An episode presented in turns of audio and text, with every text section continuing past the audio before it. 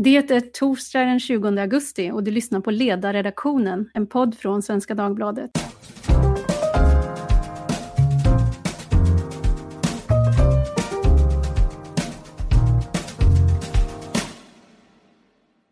Jag heter Tove Livendal och idag ska vi tala om det amerikanska valet. För just nu pågår Demokraternas konvent Kamala Harris har officiellt utsetts till Demokraternas vicepresidentkandidat och på de elektroniska löpsedlarna på flera håll i världen syns Barack Obama som gick till hård attack mot Donald Trump. Så vad betyder konventet? Hur ser i övrigt scenen ut för resten av valrörelsen? Och hur ska man betrakta det här valet ur ett historiskt perspektiv? Det ska vi tala om idag tillsammans med Johanna Möllerström, professor i nationalekonomi vid George Mason University bosatt i Maryland och återkommande skribent på ledarsidan. Välkommen! Tack! Eh, välkommen säger vi också till Jakob Stenberg, USA-kännare som driver podden Kongressen om amerikansk politik. Tack så mycket! Och med oss har vi också Jan-Erik Larsson som bevakar internationella medier för ledarsidans räkning och har haft en nära relation till USA under mycket lång tid. Välkommen! Tack så hemskt mycket! Eh, Jakob, skulle du vilja börja med att göra en sammanfattning av konventets viktigaste händelse så här långt och också göra en uppskattning av vad du ser som Demokraternas dagsform? Ja, det är inga ballonger och ingen publik, vilket jag tycker är rätt tråkigt som utomstående. Det är snarare som en ja, avancerad Zoom-konferens än en liveshow och det är, det är rätt tråkigt tycker jag. Samtidigt så hör man vad alla talarna säger och det blir ett större allvar i de olika talen och så. Eh, om man ska prata om det som har blivit mest uppmärksammat hittills så är det väl paret Obamas två, två tal. Eh, Michelle Obama höll tal under första konventskvällen och hon, hon eh, pratade mycket om att eh, hon uppmanade alla att rösta som om det vore, som om, som om deras liv hängde på det. Och nu i natt under den tredje konventskvällen så pratade Barack Obama om, eh, man kan säga att Obama, Barack Obama bröt olika normer när han gick till attack mot sin efterträdare, för det är inte, inte brukligt att man brukar göra det. Men, men det gjorde han. Så att paret Obama är, det, Barack Obama är den mest populära demokraten i USA och Michelle Obama är väl en av de mest populära personerna i USA, så att mycket har handlat om, handlat om dem. Men vi har också fått eh, tal från eh, Bernie Sanders och folk från vänsterfalangen. Men det jag tycker man har märkt ganska tydligt är att det finns en ambition att eh, sträcka ut en hand mot mitten.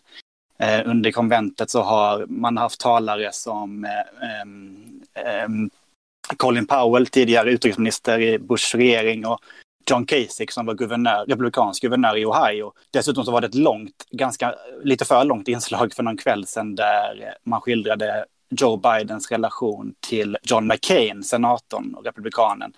Så det, jag tycker det är tydligt att man försöker nå eh, väljare i mitten, så kallade independents. Och till sist, om man ska prata om, om eh, dagsformen, så om man får tro Demokraterna själva så är den ganska god. Eh, många mätningar visar att inte bara Biden ligger bra till, utan även om man kollar på senatsvalen så, så ser det ut som att Demokraterna skulle kunna eh, ta över majoriteten där. Men jag vill höja ett eh, varningens finger, dels när det gäller mätningar i sig. Vi har lärt oss att de inte alltid är så pålitliga och vi ska också påminnas om hur det lät för fyra år sedan när Hillary Clinton eh, och hennes gäng i oktober var inne på att eh, Demokraterna skulle kunna vinna Texas, vilket inte har hänt på länge.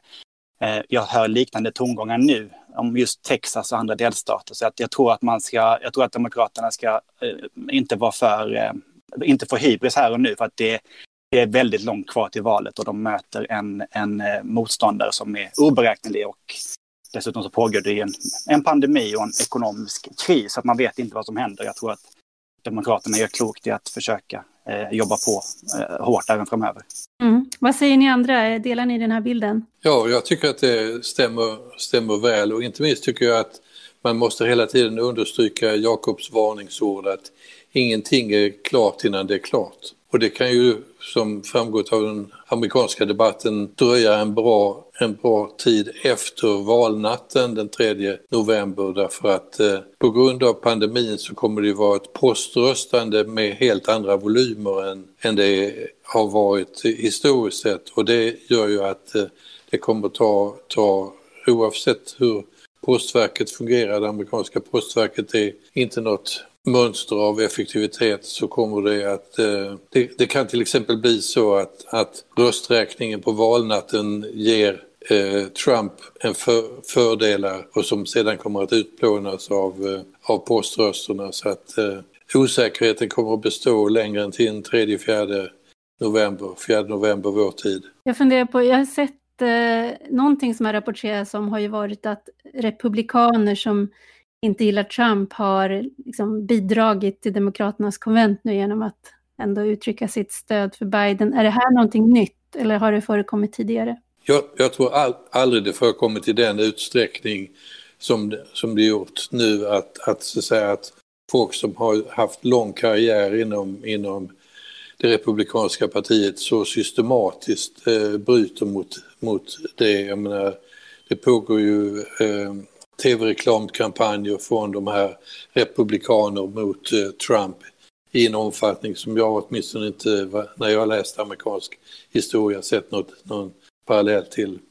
Nej, inte jag heller. Det, det, det har ju skett enskilda fall genom åren. 2008 så, så backade Joe Lieberman, som ju var Al Gores eh, eh vicepresidentkandidat 2000, då backade han John McCain, vilket Eh, fick många att höja på ögonbrynen. Men jag håller med Jan-Erik att det här systematiska eh, stödet för Demokraternas kandidat från så många välkända republikaner, vi snackar några av de främsta strategerna till Bush och Mitt Romney, att de så tydligt tar ställning för Biden är, är unikt bedömer jag också. Och nästa vecka då tar Republikanernas konvent vid. Vad kan vi förvänta oss där?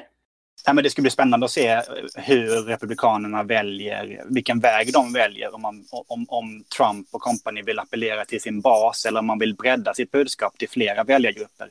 Trump har ju väldigt tydligt under den här pandemivåren och såklart även tidigare talat väldigt mycket till sin bas som är intakt från valet 2016. Men väldigt mycket tyder på att han antagligen måste expandera lite mer så att han får fler, fler väljare än bara den. Och det ska bli intressant att se vilket, vilket tonfall man har, vilket, hur Republikanerna kommer att eh, framea den här veckan som kommer nu. Jag är ganska övertygad om att Trump saknar förutsättningar för att kunna eller vilja gå utöver sin bas, utan han kommer att, eh, att kämpa för sig själv, för sina egna opinionssiffror och så vidare och att till exempel vicepresident Pence kommer att vara säkert jätteosynligt skulle jag gissa. Mm. Ja, det återstår att se. Man brukar ju ofta, åtminstone då i efterhand, kunna se vilka frågor som har varit avgörande för ett val och i det här valet så är ju Donald Trump som person en faktor som inte går att missa. Men Johanna, hur ska man se på sakpolitiken? Vilka frågor är det som bär den här valrörelsens nerv?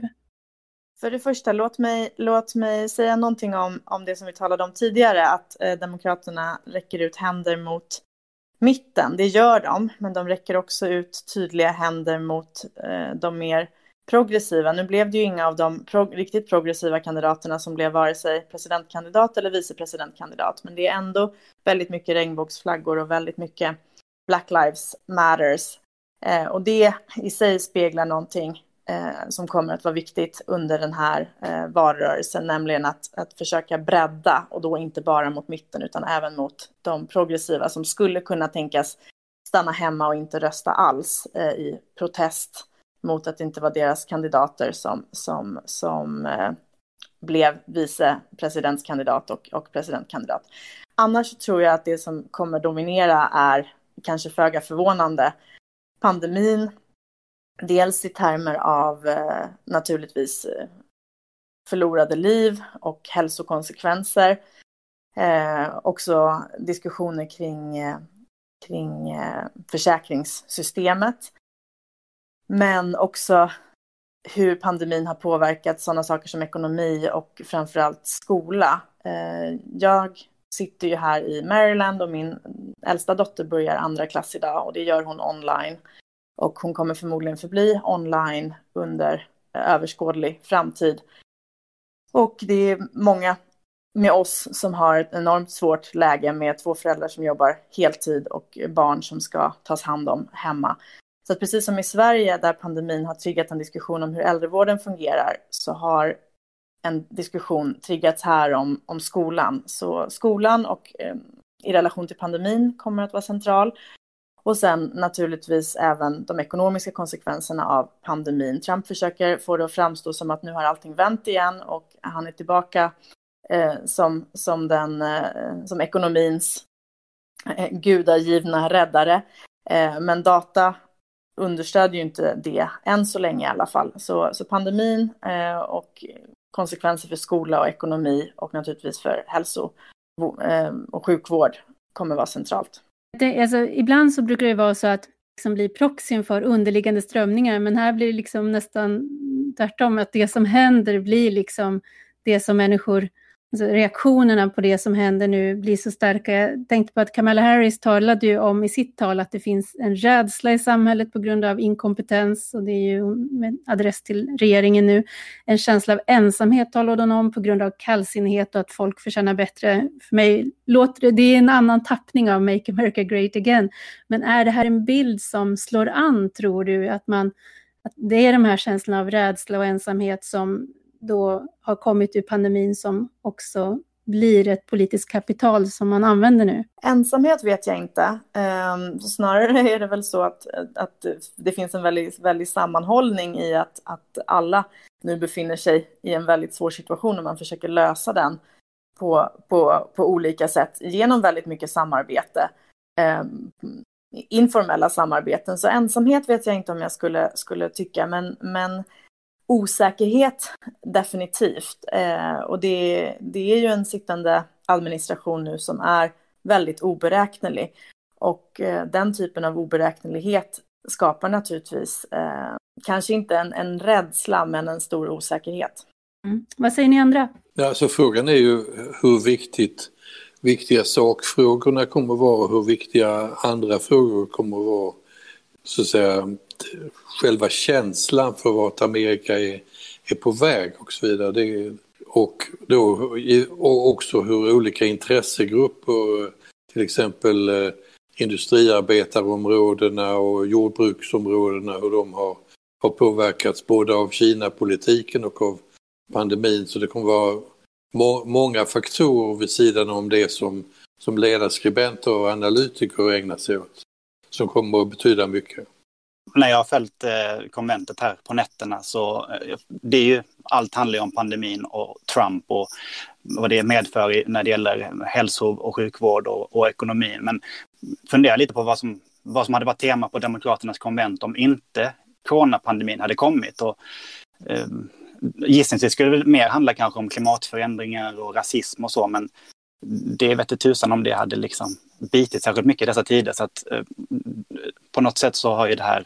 eh, ritat om hela kartan och, och, här och nu så är det ju klart till Demokraternas fördel.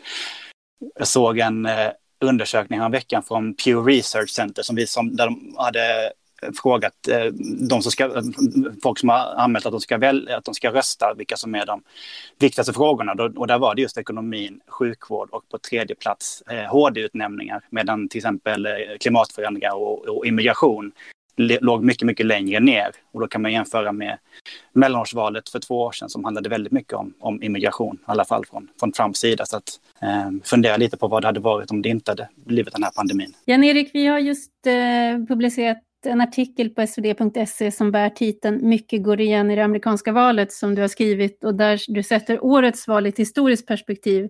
Det brukar ju vara så att man tenderar att säga att vi lever i en helt unik tid och det här är någonting helt nytt. Men din artikel antyder någonting annat. Vad är det man bör förstå? Alltså det finns ju en kontinuitet i amerikansk politik som, inte, som man verkligen inte ska, ska underskatta och, och det jag pekar på då jag skriver om om valet 1948 när, när Truman besegrade den republikanska motkandidaten Thomas Dewey. Och jag lyfter fram några, några aspekter som, liksom, som finns med idag också. Truman var till exempel oerhört arg på mediernas fake news. Och det är kanske någonting som vi känner igen från senare tid. Och då var det alltså en demokrat som, som menade att de republikanska medieföretagens ägare gjorde allt för att eh, svartmåla Trumans administration och, och Trumans eh, personliga egenskaper och så vidare. Så att eh, där har du då ett exempel på, på någonting som, som nu, nu eh, har kommit igen i, i, i, i, helt andra, i helt andra termer och, och orsaken till, till att medierna fortfarande spelar så stor roll är ju det att valdeltagandet är ju traditionellt inte så högt i, i USA så att medierna kan få den effekten att, att, att väljare inte, inte röstar. Och i år så har det då förstärkts av det här med pandemin som gör att många kanske inte vill gå till, till val, valurnorna. Och eh, jag tror att, att eh, en annan, ett annat inslag i 48 års val var ju att jordbruksintressena eh, spelade så, så stor roll för, för att eh, Truman blev omvald och, eh, och där har vi ju, idag ser man ju i, i, eh, i mellanvästern, i jordbruksdistrikten i mellanvästern har ju, har ju, har ju påverkats mycket negativt av eh, eh Trumps attacker mot Kina och eh, att eh, kinesiska, de kinesiska importen från USA, jordbruksimporten har, har blivit mycket mindre än, än vad den har varit tidigare vilket drabbat eh, ekonomin i jordbruksområdena. Så att sådana faktorer kan, kan spela en mycket större roll än, än alltså rena intressefrågor. Så det, jag nämnde det tidigare, jag tror att intressefrågorna ska, ska man inte, ska man inte eh, bortse från att de kan, kan komma att, att, eh, att spela en, en stor roll även, även i år och exakt hur de utfaller det, det får vi se längre fram men, men eh, jag tror att, att vi har, har att se fram emot en, en som alltid mycket spännande och mycket, mycket ovi, oviss eh, valkampanj och valutfall. Det, det kommer inte att, eh, att bli, eh, att bli något, något, någon enkel jordskredsseger. Det skulle förvåna mig mycket.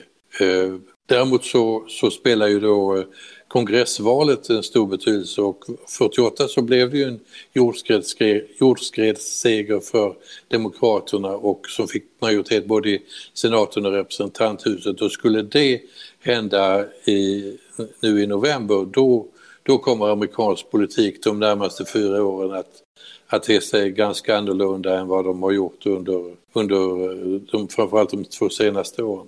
Jag tänkte på det när du citerade Harry S. Truman och hans eh, eh han uttryckte att det var snedvridna ledartexter och vinklade rubriker i pressen, rena vantolkningar. Det låter ju då precis så som Donald Trump låter idag. Men om man då ska bara ställa frågan, finns det, en, eh, finns det någon, någon sanning i det Truman och Trump säger? Finns det en risk att mediernas rapportering blir perspektivlös eller obalanserad? Ja, jag, jag tycker absolut att, att, att det är så att, att medierna, om du till exempel tittar på CNN så ser du att CNN är ju idag i sin inrikespolitiska rapportering, åtminstone det som då når mig här, är ju, är ju en ren Biden-kampanj. Den är så partisk och man har, man har slutat att ta in företrädare för Republikanerna utan när man har, när man kommenterar nu till exempel eh, demokratkonventet så är det olika demokrater som kommenterar det och alla är liksom eh, applåderar så att inte nu har jag inte tittat på, på Fox News men det, det har säkert de andra gjort. Men jag, jag, jag, jag håller verkligen med Jan-Erik. Framförallt CNN har ju tagit en ganska radikal utveckling på senare tid. Att MSNBC och Fox har sina agendor, det vet vi. Men CNN är ju väldigt... Jag följer många program där och poddar och sånt och där är det tydligt att programledaren har sin egen agenda med åsikter och också i, i urvalet av ämnen. Häromveckan så var det den här fredsavtalet mellan Israel och Förenade Arabemiraten som väldigt många av dem totalt bortser ifrån och istället bara pratar om, om Trump. Och det kan jag tycka blir väldigt, väldigt skevt. Eh, och sen har vi såklart Fox News på andra sidan. Men att CNN har gått så mycket åt det hållet, det tycker jag är anmärkningsvärt, för så var det inte riktigt för 10-15 år sedan. Man kan ju tänka sig rent, rent hypotetiskt, och, och det här fredsavtalet är ju lite grann ett exempel på det, men säg nu att, att Trump skulle ändra sin personlighet helt, helt och bli en, eh, en fantastisk människa och president, skulle, skulle medierna liksom rapportera det och göra det rättvisa. Och det skulle de ju förmodligen inte, utan medierna och framförallt då CNN har ju så att säga gett upp Trump och, och placerat honom eh, i, den, i den boxen av, av eh, otjänliga, okänliga presidenter. Och det kan man ju tycka att de gör med rätta, men, men frågan är om det, om det ändå är så som företrädare för, för så stora medier ska, ska bete sig. Eh, för jag tänker att vi hade ju en ganska intensiv diskussion efter eh, när Trump hade blivit vald över den här stora förvåningen som blev och eh, en av de iakttagelser som jag tycker man kan göra över den förvåningen var ju också att det hade de väljare som, som skulle kunna tänka sig rösta på Trump och som fördes fram av medierna var ju sådana som gjorde att man fick en väldigt ensidig bild av hur stödet såg ut för Donald Trump. Uh, och eh, det, alltså, att vi, det, man, vi fick en bild som sen gjorde att den, den här verkligheten som fanns blev en överraskning. Så med det facit i hand, vågar ni idag säga hur ni tror att det kommer att gå i november? Definitivt inte. Ehm, det som vi har sagt tidigare, det här är ett oerhört öppet race. Jag håller verkligen med, jag vågar inte heller säga någonting. Det är klart att det ser bra ut för Biden i mätningarna, men de ska man ta med en nypa salt. Jag är mest orolig för det som Jan-Erik pratade om tidigare, just själva valnatten och dagarna därefter. Om, om, om det tar lång tid att få in poströster, hur kommer Trump agera då? Hur kommer Biden agera då? Vem sätter agendan? Och återigen medierna, vilken roll kommer de spela i detta om det blir ett ovisst valresultat? Det kommer jag följa med stort intresse och kanske lite förfasan också. Ja, så att det, det, jag, jag, brukar säga det att jag kommer vara riktigt säker på vad som hände i det här valet den 20 januari nästa år när presidenten svärs in. När presidenten har avlagt, oavsett vad han heter, har avlagt presidenteden, då kommer jag känna att ja, nu vet jag hur det gick.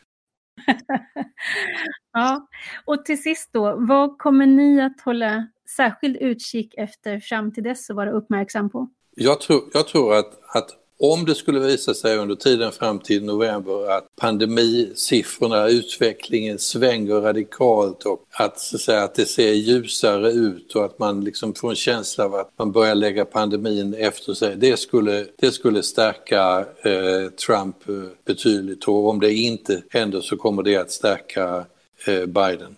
Jag tycker det är så intressant att följa just Joe Biden lite, för han har ju hållit sig... Han har haft väldigt låg profil och knappt gett några intervjuer under hela våren och sommaren. Men det duger inte riktigt så mycket längre, för nu är konventet snart färdigt och han är partiets kandidat och det är inte så långt kvar till valet och det kommer vara, det kommer vara debatter mellan honom och Trump. Så att hur kommer Biden hantera det? Hur, hur kommer han prata? Vilken, vilka frågor lyfter han fram? Hur vill han branda sig själv för amerikanerna? det tycker jag ska bli spännande att se ehm, vilken, vilken roll han vill ta. Jag ser fram emot att följa den här balansgången som Demokraterna går när de försöker sträcka ut händer som vi har talat om, både åt den progressiva vänstern och mot, och mot mitten. För det, det kommer inte alltid att vara en helt lätt balansgång heller. Så det ska bli intressant att se om, om och i så fall hur de lyckas med det. Och med det säger vi tack för denna guidning. Vi kommer att återkomma och eh, kanske får vi också möjlighet att bjuda in er igen för det är många turer kvar innan vi har ett resultat som det brukar heta i olika sammanhang. Stort tack till Johanna Möllerström, Jakob Stenberg och Jan-Erik Larsson. Och tack till också till er som har lyssnat. Har ni frågor eller synpunkter kan ni höra av er till ledarsidan svd.se. Tack för idag.